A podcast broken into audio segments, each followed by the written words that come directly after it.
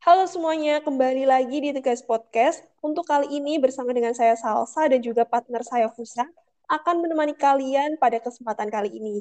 Hai Fusa, apa kabar nih? Halo Salsa, kabar aku alhamdulillah baik nih. Tapi ya Sal, jangan tanya kabarku aja dong. Tanya juga kabar pendengar setiap podcast di rumah. Apa kabar nih semua pendengar setiap podcast? Semoga selalu baik-baik saja ya. Oh ya, pasti udah boring nih dengan kegiatan yang serba daring. Iya nih, bener banget. Boring dengan kuliah online, kegiatan organisasi online. Kapan sih kita bisa kuliah offline-nya? Udah rindu suasana kampus, bener-bener rindu parah. Bener banget tuh, pasti rindu parah tuh. Rasanya tuh pengen kuliah offline, main-main sama temen, nugas bareng, receh gak ada habisnya. Kalau gini kan gabut pol gitu. Apalagi, apalagi overthinking tingkat tingkat ya gimana ya, sekarang dunia sudah serba virtual nih. Mau nggak mau ya kita harus jalani. Bahkan ya, karena virtual ada yang bikin konten dikit bisa jadi viral. Sekarang gampang viral. Emang apa sih yang lagi viral sekarang? Kalau kemarin sih setahu aku yang sempat viral, ada orang yang ledek protokol kesehatan, jadi duta protokol kesehatan. Terus um, ada lagi nih yang nggak percaya akan penggunaan masker di tengah pandemi COVID-19, jadi duta masker. Oh iya bentar, bentar, bentar. Ingat banget nih, kemarin kan juga ada kasus tuh, public figure yang sangat terkenal dengan goyangan tiknya. Nah, dia tuh bercandain lambang negara. Masa gara-gara bercanda gitu dia jadi duta Pancasila? Kan aneh kan? Nah kan bener, dunia semakin aneh kan? Dikit-dikit viral, dikit-dikit viral. Terus aku kapan dong bisa viralnya? Kau mau viral apaan, Fus?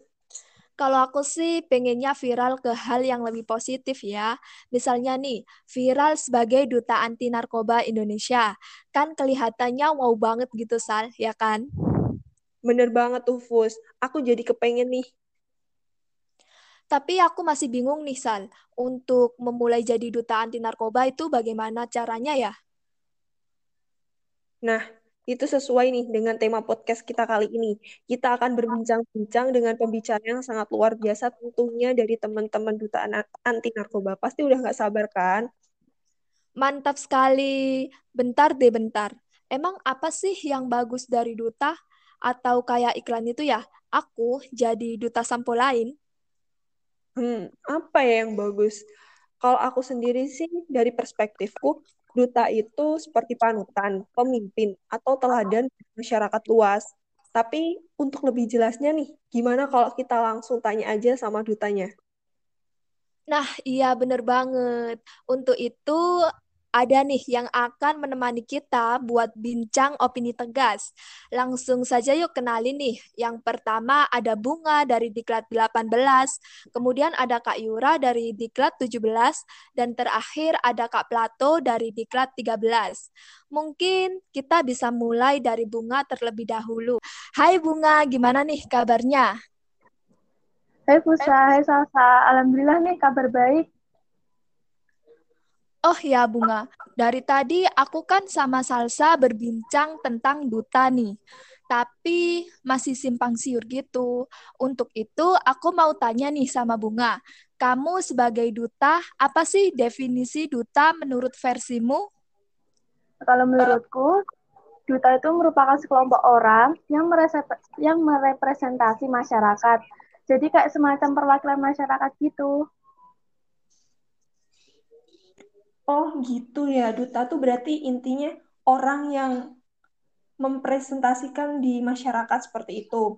Terus gini, gini Bung, tadi kan aku juga ngobrol-ngobrol tuh sama Fusa. Katanya tuh Fusa itu kepengen banget jadi duta anti narkoba. Nah, kira-kira apa aja sih yang harus dipersiapkan untuk bisa menjadi duta anti narkoba?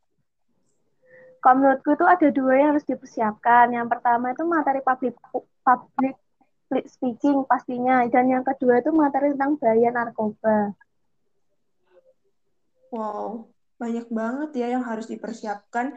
Berarti yang harus dipersiapkan tuh yang pertama kayak kita belajar public speaking dulu, terus kemudian kita mempelajari yang namanya uh, terkait HIV AIDS, narkoba gitu kan. Oh ya, Iya. uh, apa aja sih yang kamu dapat saat mengikuti narkoba selain skill itu sendiri? Nah, selain itu, apa aja yang kamu peroleh dan bisa kamu asah setelah kamu mengikuti duta anti narkoba? Wah, banyak banget tentunya. Kita juga diajarkan cara menjadi penyuluh, juga dan masih banyak lagi materi yang kita dapatkan. Kita juga dapat berinteraksi langsung dengan mantan pengguna narkoba yang sudah selesai direhab. Jadi kita tahu seberapa bahaya narkoba itu. Wah, keren banget ya Bunga. Bahkan sudah mempunyai pengalaman kedutaan yang luar biasa sebelum masuk UKM Tegas. Oh ya Bunga, makasih sudah meluangkan waktunya dan sudah menemani kita berbincang di Opini Tegas kali ini. Sukses selalu ya buat Bunga. Makasih Fusa, makasih Salsa. Oke, makasih. Tadi kan udah berbincang-bincang nih ya dengan yang cantik-cantik. Sekarang sama yang ganteng yuk. Halo Kak Yura, apa kabar nih? Gimana nih holiday-nya? Halo. Iya, aku kabar baik sih. Kalau kalian gimana by the way? Uh, kalau dari aku sih kabarnya baik banget. Kapan-kapan kita liburan bareng dong kak, ya. Iya boleh dong. Ini aku lagi di Malang nih, lagi holiday juga. Hitung-hitung kan ya refreshing. Kalau di rumah bosen kayak gitu. Kalian bisa nih ikut aku sekarang ke Malang. Besok pesen tiket deh. Aku kemarin baru dari Malang, ini baru pulang lagi ke halaman kampung kak. Eh cepet banget, padahal ditunggu loh di Malang. Nggak tahu soalnya kakaknya ada di Malang. Iya, oke okay deh. Oke, ngomong-ngomong kak, kemarin kan kakak tuh jadi duta tuh anti narkoba. Nah, kira-kira menurut versi kakak tuh duta itu apa sih? Oke, kalau kamu tanya duta aku, aku itu cuma bisa jawab kalau duta itu merupakan sebuah representasi dari diri kita terhadap masyarakat yang sekiranya kita berkompeten gitu di bidangnya kayak gitu. Semisal nih aku jadi duta narkoba kan ya, berarti aku itu berkompeten di bidang anti narkoba kayak gitu. Dan aku juga sering sosialisasi gitu di masyarakat mengenai narkoba, tentang bahayanya, pengertian-pengertian dasarnya, terus macam-macamnya kayak gitu. Itu tuh penting banget loh buat masyarakat. Kalau misal kayak duta wisata gitu berarti mereka mempresentasikan pariwisata di daerahnya ke masyarakat di Indonesia kayak gitu kan ya. Jadi ya itu tadi kita sebagai duta itu harus mampu berkompeten di bidangnya dan menjadi representasi di masyarakat seperti itu. Oh, jadi duta itu bisa dibilang sebagai representasi diri kita yang ditunjukkan kepada masyarakat. E, hal tersebut bisa melalui sosialisasi, di mana menunjukkan bahwa diri kita berkompeten di bidang tertentu pastinya ya kak ya. Selanjutnya aku mau tanya nih kak, apa sih yang diperoleh dari UKM Tegas sehingga Kak Yura sendiri bisa yakin gitu untuk mengikuti seleksi duta anti narkoba? Kalau aku sih semenjak bergabung di Tegas itu banyak banget ya kayak ilmu-ilmu nggak hanya tentang narkoba tapi juga HIV AIDS kan. Itu pun saling berhubungan gitu loh narkoba sama HIV AIDS kayak gitu. Dan kakak-kakaknya itu baik-baik banget apa sering berbagi informasi kepada kita semua yang sekarang jadi pengurus nih ya. Terus selain dari Tegas itu kan aku juga dapat info-info ataupun materi-materi lain dari waktu aku SMA di PMR. Soalnya aku dulu ikut PMR juga kan. Terus bidangnya itu ya di bagian narkoba-narkoba, kesehatan remaja kayak gitu kan. Tapi aku dari IPS sih. Kalau nggak gitu, aku sering cari informasi juga sih melalui Instagram maupun dari Google-Google. Soalnya aku sendiri hobi banget buat membaca dan update-update tentang info-info gitu loh yang sekiranya mulai dari nggak penting hingga yang penting banget. Contohnya seperti narkoba ini tadi sangat penting sekali kan. Soalnya kalau kita udah masuk ke ranahnya narkoba itu bahaya banget loh sebenarnya. buat kita dan lingkungan di sekitar kita kan pastinya. Wah, banyak banget ya yang udah dipersiapin dari Kak Yura itu sendiri, mulai dari ilmu dari Tegas itu sendiri, uh, mengikuti kegiatan di PMR, dan Kak Yura juga aktif sekali dalam mencari informasi-informasi. Nah, gini Kak, mau tanya nih, apa saja sih yang menjadi support sistem Kak Yura sampai bisa menjadi finalis sampai sekarang nih? Untuk sistem supportnya aku sendiri itu yang paling penting sekali ini dari orang tua aku sih tentunya. Soalnya orang tua aku itu kan yang benar-benar membimbing aku yang dari kecil banget hingga aku udah berkepala dua nih ceritanya. Uh, mereka itu support gitu loh sama aku mulai kayak ikut organisasi, ikut lomba-lomba, kayak salah satunya ajang duta kayak gini mereka support banget kayak gitu. Soalnya hitung-hitung ya nama keluarga jadi terangkat gitulah ya.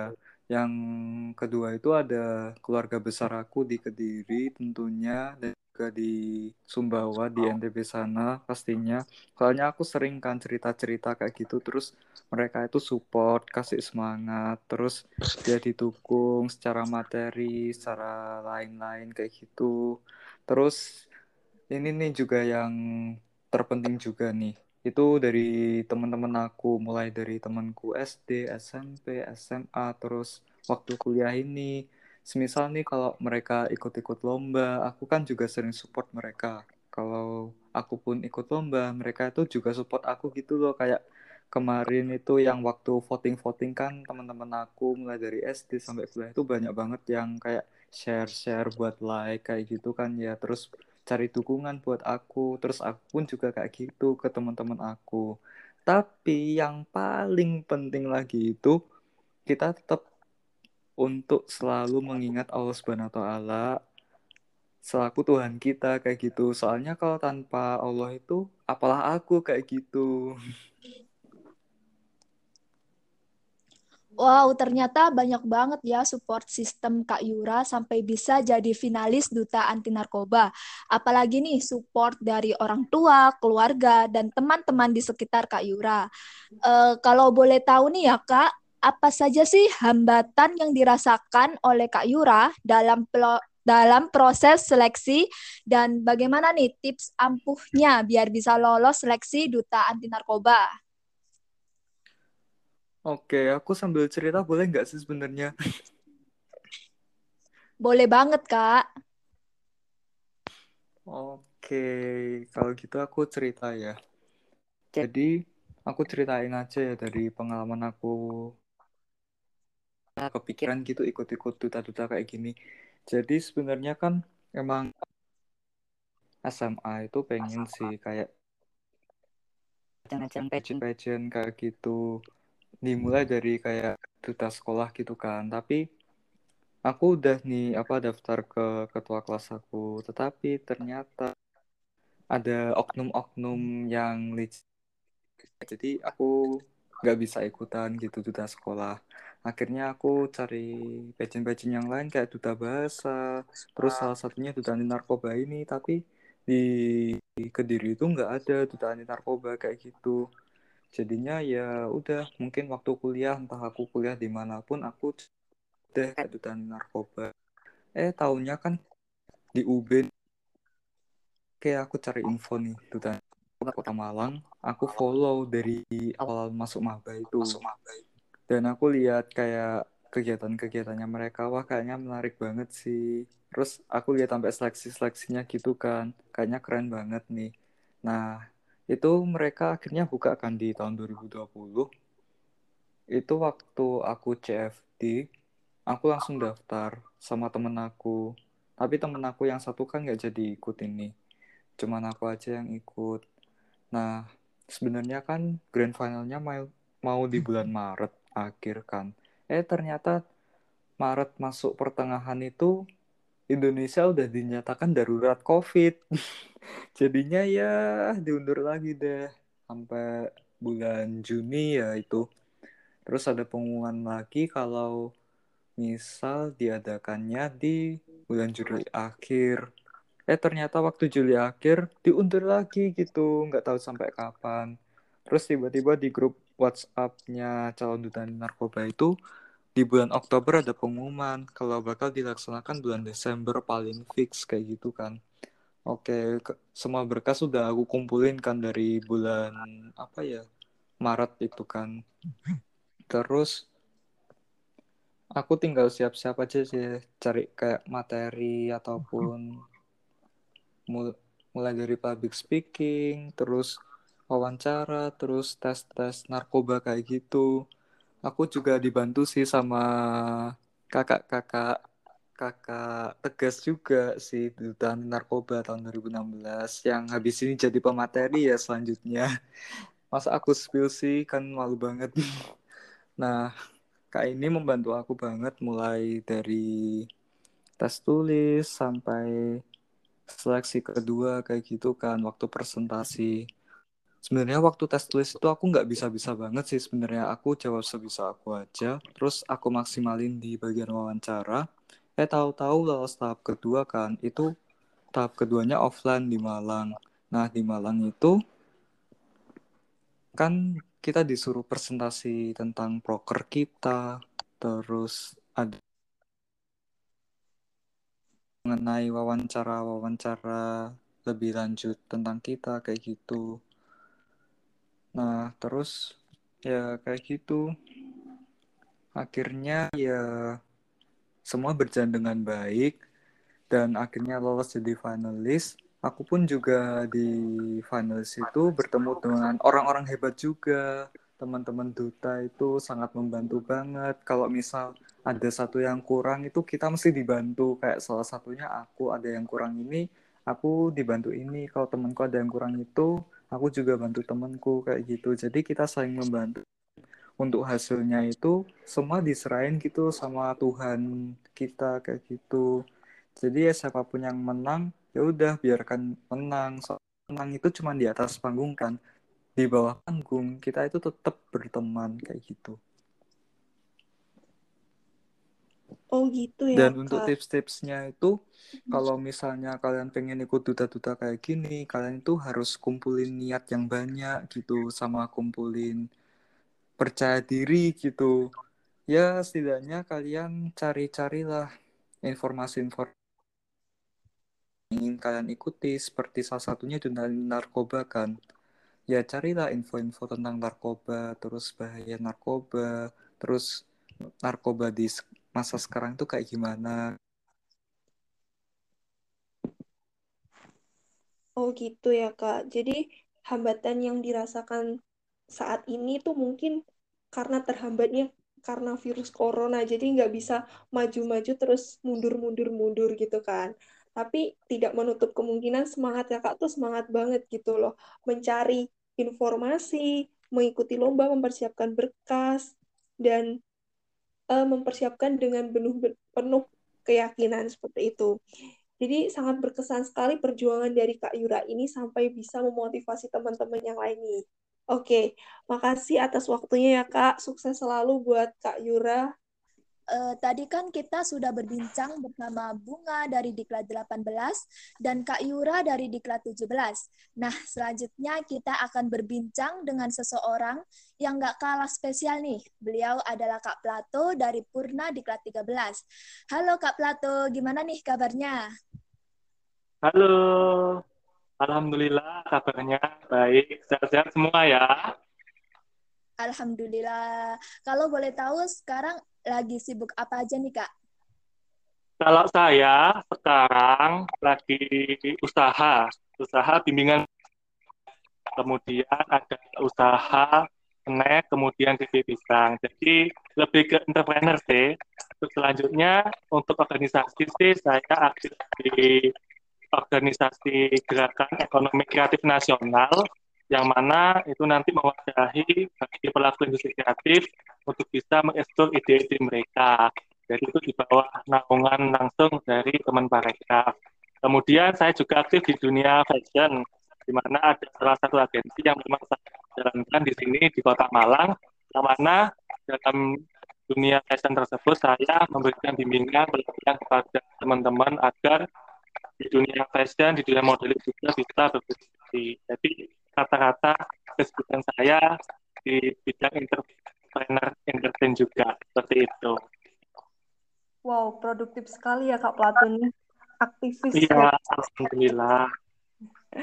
Oke Kak, kemarin kan gini, ada yang sempat viral tuh Kak terkait duta, baik itu duta masker, duta Pancasila ataupun duta protokol kesehatan.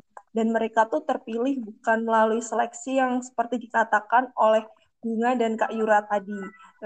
Nah, itu menurut pandangan Kak Plato itu sendiri, bagaimana sih duta tersebut gitu? Iya, kalau menurut saya kan sempat viral tuh ya, duta protokol kesehatan, duta masker, duta Pancasila. Kalau pandangan saya sendiri sih sah-sah aja, karena kalau duta yang tanpa seleksi itu biasanya langsung dipilih oleh instansi yang bersangkutan. Biasanya melihat dari orang-orang terdekat, kemudian selebgram, artis, dan kawan-kawannya juga. Tetapi biasanya langsung ditunjuk karena mereka juga punya pengaruh untuk menjadi role model buat instansi mereka nanti seperti itu.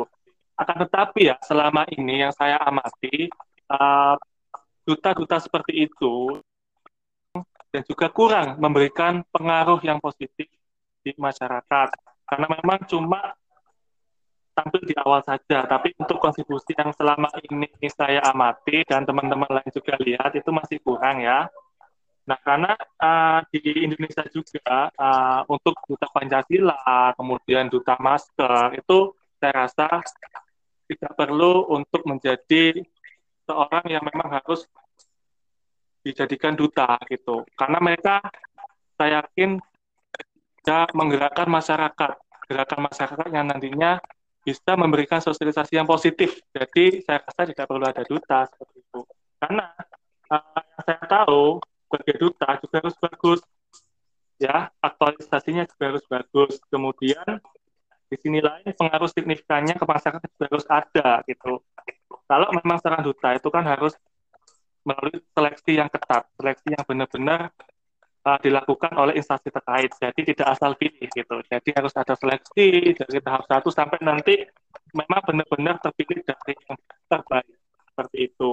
Jadi kalau kita sebagai duta harus bangga akan kewajibannya, ya. Harus bangga akan kewajibannya nanti dilaksanakan. Bukan bangga karena hanya ingin eksis, katakanlah seperti itu, hanya ingin menjadi role di awal aja, tapi untuk kontribusinya kurang. Nah itu, jadi memang duta itu harus mengutamakan aktualisasi, bukan eksistensi.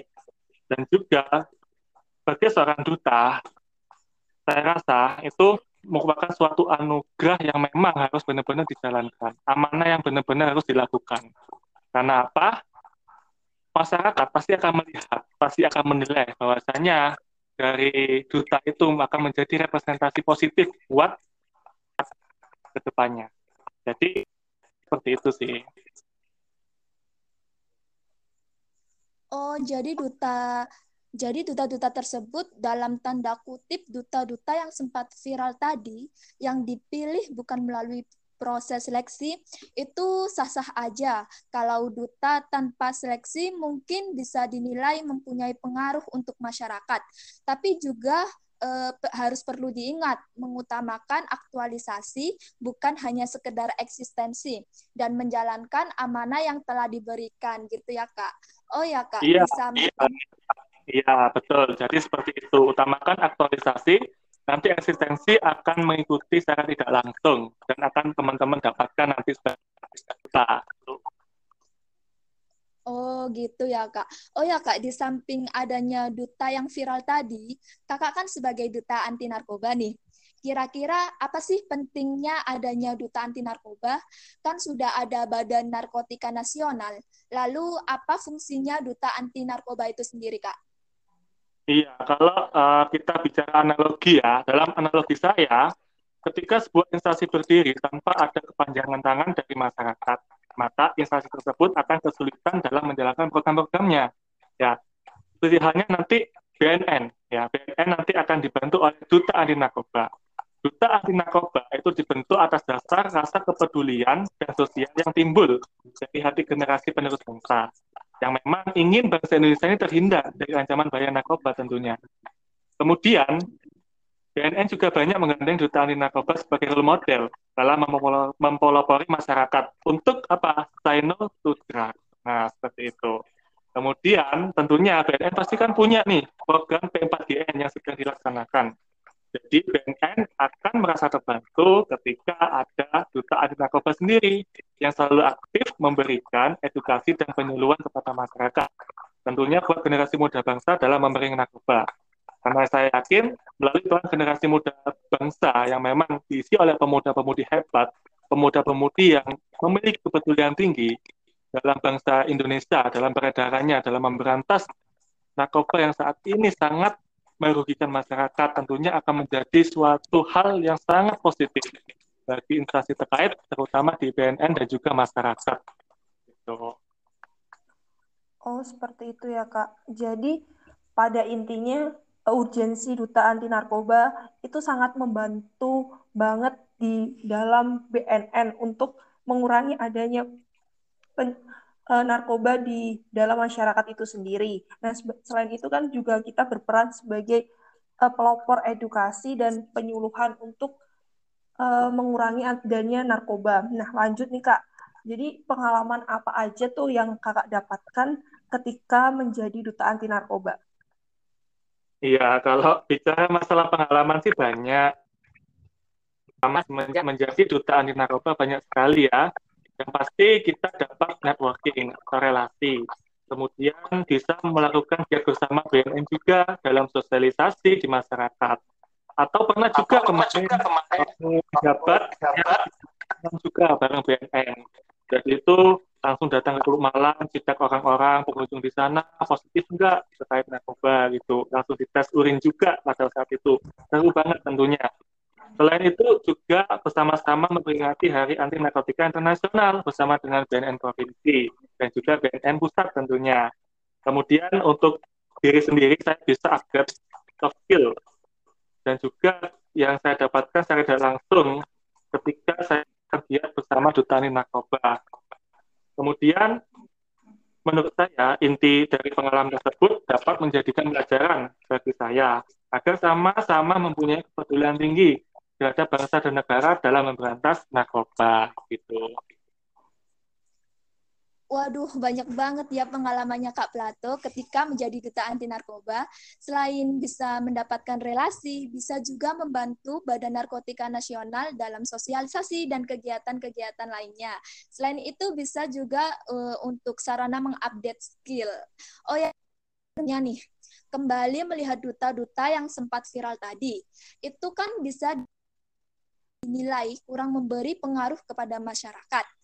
Nah, yang ingin saya tanyakan, apakah duta yang melalui proses seleksi yang serius, khususnya duta anti narkoba nih, itu bisa memberikan dampak yang signifikan untuk masyarakat? Jika memang iya, bagaimana sih dampak signifikannya, Kak? Iya, dari pengalaman saya ya, mengikuti berbagai kegiatan perdutaan, tentunya pemilihan duta yang melalui proses seleksi yang serius sangat bisa memberikan dampak yang signifikan untuk masyarakat karena mereka benar-benar pilihan yang sesuai dengan kriteria yang telah ditetapkan oleh masing-masing instansi tentunya. Kemudian di sisi lain dengan seleksi juga kita bisa mengetahui komitmen dan juga kontribusi mereka untuk masyarakat. Intinya menyatukan mereka dalam sebuah wadah paguyuban dengan sisi yang sama tentunya harus melalui seleksi yang bagus karena peran mereka lah nanti yang akan membawa paguyuban atau organisasi mereka yang ke arah lebih baik. Sama halnya dengan pemilihan duta anti narkoba, ya itu harus benar-benar melalui seleksi yang bagus, yang sangat-sangat ketat. Karena apa? Nantinya akan menjadi role model dari BNN itu sendiri. Karena kita tahu bahwasanya BNN merupakan instansi yang memang uh, bergerak untuk membantu masyarakat seluruh bangsa Indonesia dalam hal memerangi narkoba. Tentunya dengan adanya duta anti narkoba sangat terbantu sekali, apalagi dengan kegiatan kemudian dengan program kerja yang sangat positif bagi BNN dan juga bagi masyarakat. Tentunya ini hal yang menjadikan sesuatu yang bagus bagi kita sendiri sebagai duta, bagi BNN sebagai instansi, dan bagi masyarakat tentunya. Oh gitu ya Kak. Jadi uh, peran seleksi itu sangat dibutuhkan untuk sorry kak tadi keputus uh, Iya. jadi jadi peran seleksi itu sangat dibutuhkan banget untuk uh, duta-duta agar kita dia itu bisa mengetahui apakah duta itu memiliki komitmen yang bagus uh, dan bisa membawa paguyupan ke arah yang lebih baik lagi gitu kan. Nah, ya. dari apa yang disampaikan Kak Plato tadi, semoga uh, teman-teman tadi, maaf Kak, sorry Kak. Uh, gini Kak, kita kan sebagai mahasiswa sering kali kan takut tuh dengan uh, mengikuti seperti duta, entah itu karena kurang percaya diri atau merasa sebenarnya kurang kurang. Nah, para pendengar tuh tahu nih bagaimana sih cara Kak Plato untuk diri agar kita itu lebih berani lagi gitu. Iya, jadi sebelum mengikuti kompetisi, seperti pemilihan duta, ya intinya harus ada niat dari hati dulu, dimantapkan dulu. Kemudian persiapkan segalanya dengan maksimal. Harus banyak-banyak literasi nih, agar menambah pengetahuan dan wawasan juga. Harus rajin berlatih, juga mulai dari public speaking, dan kawan-kawan. Harus optimis dan yakin pada diri sendiri agar tidak ada beban nanti dalam ikut kompetisi. Kemudian tak lupa berdoa agar selalu diberikan kelancaran. Jadi kesiapannya matang, maksimal, maka teman-teman akan mendapat hasil yang bagus. Seperti itu. Waduh, keren banget nih motivasinya, Kak. Jadi pada intinya untuk menjadi lebih berani dalam mengikuti seleksi, kita harus ada niatan dari dalam hati dan persiapan diri secara maksimal gitu ya, Kak uh, semoga teman-teman bisa terinspirasi dari kakak-kakak yang luar biasa ini. Oh ya kak, karena sudah di penghujung podcast, mungkin Kak Plato berkenan memberikan closing statement atau pesan-pesan untuk teman-teman pendengar setiap podcast Tegas kak. Iya, closing statement dari saya Semoga teman-teman nanti di Tegas tetap produktif dan berprestasi. Ya, meskipun kondisi pandemi seperti ini jangan menjadi alasan untuk tidak produktif dan berprestasi. Tetap berkontribusi sebagai generasi muda yang selalu say no to drugs. Melalui wadah Tegas, teman-teman semoga dapat menjalankan amanah dengan baik dan tetap jaga kekompakan dan kesulitannya ya.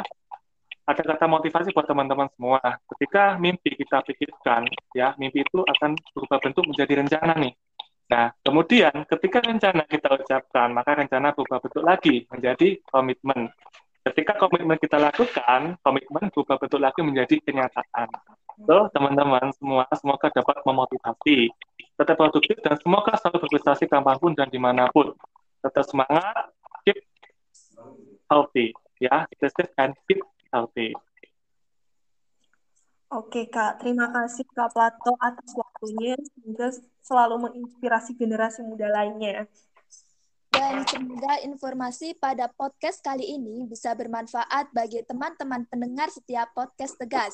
Bagi teman-teman kesehatan dan tetap patuhi protokol kesehatan yang ada ya. Terima kasih telah setia mendengarkan podcast Tegas dan sampai jumpa di podcast berikutnya. Terima kasih Mas Plato atas waktunya. Terima kasih kembali. Semangat ya, semuanya sukses. Amin. Terima kasih ya, Kak. Kak.